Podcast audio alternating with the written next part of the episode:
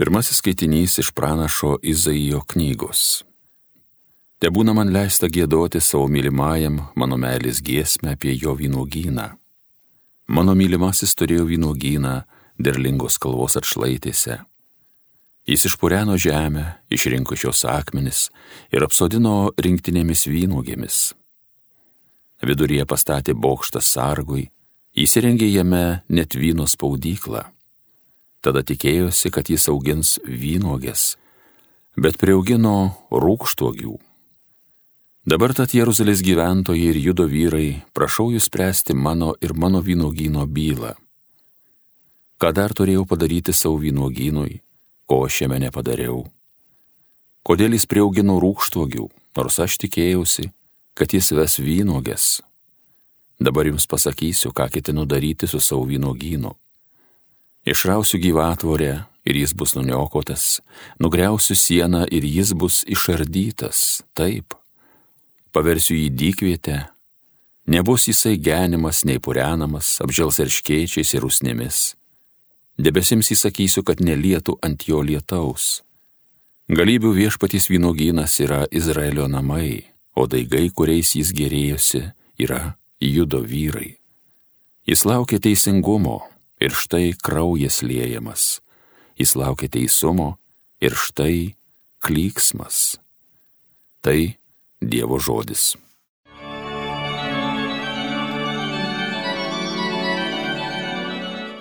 Izraelio namai tai viešpaties vynogynas. Tu perkeliai vynmedį iš Egipto ir pasodinai jį kitas tautas išvaręs. Išskėtys šakas lygi jūros, o savo atžalas lygi upės. Izraelio namai tai viešpaties vynogynas. Vynmedžio aptvarą kodėl nugrioviai, kiekvienas praeivis dabar jo vynogės skina. O šernai jį knisinėja ir laukiniai gyvuliai aplinkui ganos. Izraelio namai tai viešpaties vynogynas. Atsigręžk vėl į mūsų galybių dievę, pažvelk iš dangaus, pasižiūrėki, tuo vynmedžiu tu pasirūpink Ateik ir globok, ką tavo dešinė pasodino, jauną kamieną, kurį išauginai savo tokį stiprų. Izraelio namai tai viešpaties vynogynas. Tada mes nuo tavęs daugiau nesitrauksim, laikyk mus gyvus, kad šlovintume tavo vardą, o viešpatie galybių Dieve pastatyk mus ant kojų, te šviečia mums veidas tavasis ir mes išgelbėti būsim. Izraelio namai tai viešpatys vynogynas.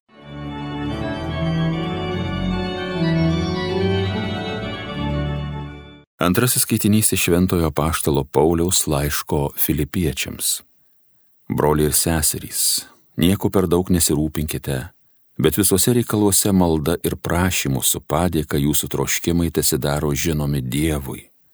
Ir Dievo ramybė, pranokstanti visokią išmintį, sergės jūsų širdis ir mintis Kristuje Jėzuje. Pagaliau, broliai, mąstykite apie tai, kas teisinga, garbinga, teisų, tyra, mylėtina, gėriama, apie visą, kas dorybinga ir šlovinga. Darykite, ką tik iš manęs išmokote, ką gavote, ką girdėjote ir matėte manyje, ir ramybės Dievas bus su jumis. Tai Dievo žodis. Alleluja.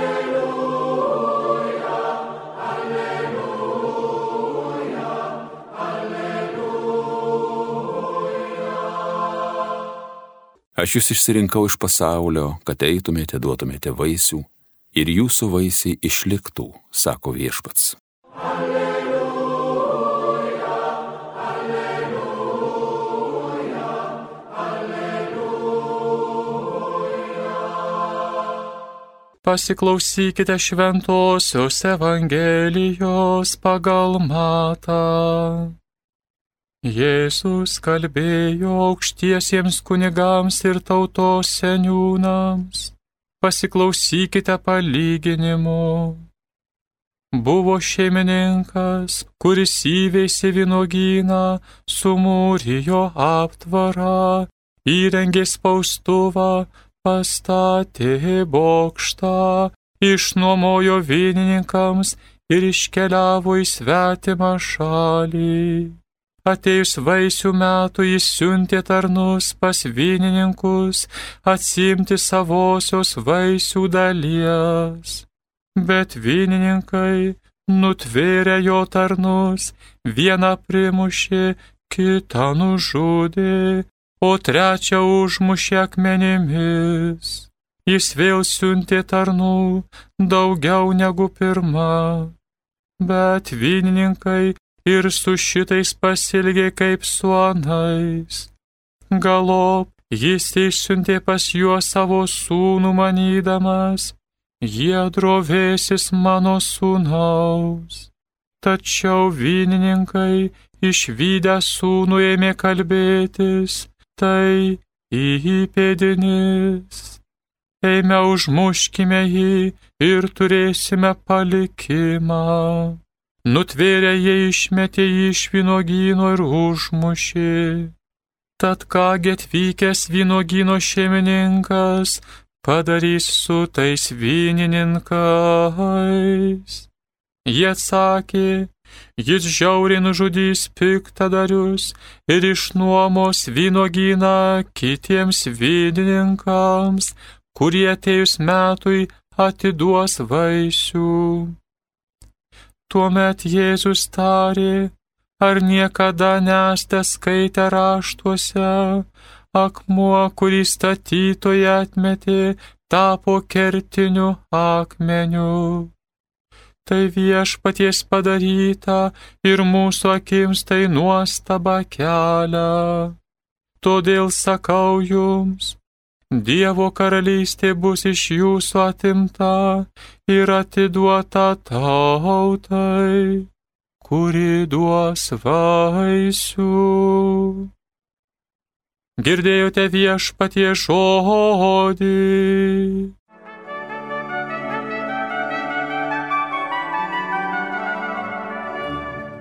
Mėly Marijos radio klausytojai, visi gerai suprantame, jog Jėzus tą palyginimą šiandien Evangelijoje pasakoja vaizduodamas Izraelio istoriją. Ten žudomi pranašai ir galų gale Dievo sūnus. Bet šis pasakojimas skirtas ne vien Izraelio fariziejams, rašto aiškintojams, bet ir mums visiems, Tai skirta ir man, ir tau, broli sesė. Tai kiekvieno mūsų istorija. Kiekvienos mūsų maldos pradžia turi prasidėti žodžiais. Dievo motin, aš nužudžiau tavo sūnų. Taip sako Antonijus Bliumas rožėtis. Kiekviena mano nuodėmė yra Jėzaus kankinimas, Jėzaus žudimas. Juk visi esame nuodėmingi. Dievo sūnus kiekvienoje išpažintyje savo krauju nuplauna mūsų nuodėmės. Ypač tai giliai suprato rašytojas Julianas Grinas. Jį tikrai galima vadinti didžiausiu 20-ojo amžiaus romanų autoriumi. Jis gyveno visą 20 amžių, 98 metus. Tas keistas amerikietis didžiąją dalį savo gyvenimo praleido Prancūzijoje. Čia jis kelis kartus atsiverti tikėjimą ir prisipažįsta, kad ypatingai jį kankino jo nuodėmės. Todėl nėra jokio stebuklo, kad visuose 58 savo kūriniuose jis kalba apie nuodėmę ir gailestingumą. Gyvenimo pabaigoje jis pareiškė, jog nori būti palaidotas katalikų bažnyčioje. Kadangi tai draudžia Prancūzijos įstatymai, Jis pasirinko Šventojo Egidijaus bažnyčią Klagenfurte, Austrijoje ir sukūrė šalia kapo plokštėje įrašą. Ilgą ir labai teisingą, labai tinkantį jam ir kiekvienam žmogui įrašą. Perskaitysiu dabar tą įrašą. Jei būčiau šiame pasaulyje vienas, vienintelis te buvęs, Dievas vis tiek būtų atsiuntęs savo vienatinį sūnų, kad būtų nukryžiuotas ir taip mane atpirktų. Gal tu, brolis sesė, sakysi, kaip išdrysti taip išžoliai kalbėti apie save. Bet visgi tokia mintis turi būti kiekvieno tikro tikinčiojo dvasioje. Ir jeigu tu paklaustum, kas būtų tas piktadarys, kuris jį kankintų, muštų, žudytų ir prie kryžiaus prikaltų, nėra ko čia sukti galvą. Aš pats tą padaryčiau. Viską, visus to žiaurumus aš padaryčiau. Savo nuodėmėmis padaryčiau. Kiekvienas iš mūsų turime tą patį apie save pasakyti. Nesvarbu, kokie mes esame, nesvarbu, iš kur esame, nesvarbu, iš kurio žemės krašto kilė. Ir jei nebūtų jokio žydo, kad jam spjautų į veidą, aš tai padaryčiau. Nebūtų ne vieno Romos tarnautojo, kad jį paniekintų nebūtų kareivio, kad iš jo tyčiotųsi, nebūtų būdelio, kad jį kaltų prie kryžiaus ir paliktų kabėti iki pasaulio pabaigos. Visada būčiau aš tam pasiruošęs. Visada tai savo nuodėmėmis padaryčiau. O kaip su tuo mokiniu, kurį Jėzus mylėjo ir su tuo, kuris jo išsigynė? Tai skausmingiausi dalykai Jėzaus istorijoje. Ir tuo pačiu didžiausia paslaptis. Žinok, gerai žinok. Ir tuos mokinius viešpate tu rasi manyje. Šitaip užbaigia užrašą savo kapui Džiulienas Grinas. Brolis sesė, ne tik aš pasirašau po šiais žodžiais juk ir tu pasirašytum. Žinokit, ir daug skaitydamas, aš neradau jokio paaiškinimo, jokio komentaro, kaip galėtų geriau padėti suprasti šiandienės Evangelijos palyginimą. Bet kamgi reikia palyginimų aiškinimo? Palyginimų negalima aiškinti galima juos tik deklamuoti kaip eilėraščius arba atpasakoti kaip meilės istoriją. Nes palyginimai pasakojami ne tam, kad padidintų mūsų žinias, bet tik tam, kad skaudžiai paliestų dvasę tų, kurie palyginimų klauso. Neišpasakytai, tiksliai ir jautriai, Džiulienas Grina savo kapo įrašę išsako, šiandienius palyginimus. Nes tai niekas kitas kaip meilės istorija. Palyginimai gėda apie meilę, Dievo meilę. Gėda apie sulaužytą ištikimybę tai meiliai, apie sulaužytą ištikimybę tų, kuriuos jis myli. Palyginimuose skamba ir baisų žodžiai, Dievo karalystė bus iš jūsų atimta ir atiduota tautai, kuri duos vaisių, kurie jis taps kertiniu akmeniu. Daug kas sieja tuos žodžius su žydų tauta. Iš tikro, kai išrinktoji tauta atsisakė Jėzaus, jo karalystės skelbimą perėmė kitos tautos. Bet tą patį matome ir kitais laikais. Prancūziją galima laikyti vienu iš krikščionybės lopšių. Jie išaugino daugybę šventųjų, statė daug bažnyčių, vienuolynų, bet dabar iš jų tarsi atimta Dievo karalystė. Vatikanijus skelbia, kad Prancūzijoje kasmet išniekinama virš tūkstančio bažnyčių. Argi tai neženklas, kad sudegė ir garsioji Dievo motinos katedra Paryžiuje? Vokiečiai plėtė tikėjimą po visą pasaulį. Dabar Vokietijoje kasmet išniekinama virš dviejų tūkstančių bažnyčių, rašo vokiečių katalikiškas savaitraštis. Uždaromos bažnyčios, vienuolinai, seminarijos. Olandų misionierių dar praeitame amžiuje buvo pilnas pasaulis.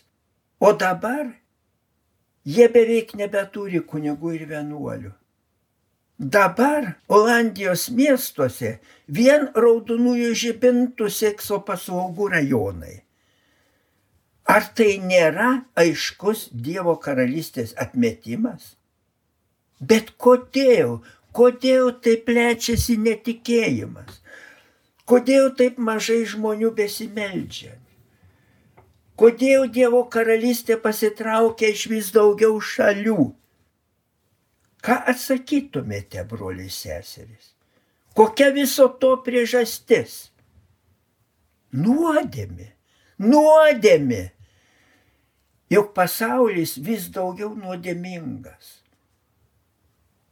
Nuodėmi tai yra ištikimybės Dievo meiliai laužimas. Tuo pačiu siaubingai mažėja ir ištikimybė šeimose, visuomenėje. Ir tik tada aš neprisidedu prie Dievo karalystės naikinimo, kai kovoju su nuodėme, kai melžiuosi, kai mano gyvenime Jėzus yra kertinis akmuo. Amen.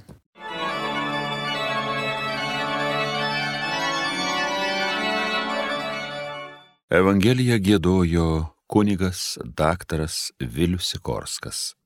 Homilyje sakė panevižio vyskupas emeritas Jonas Kauneckas.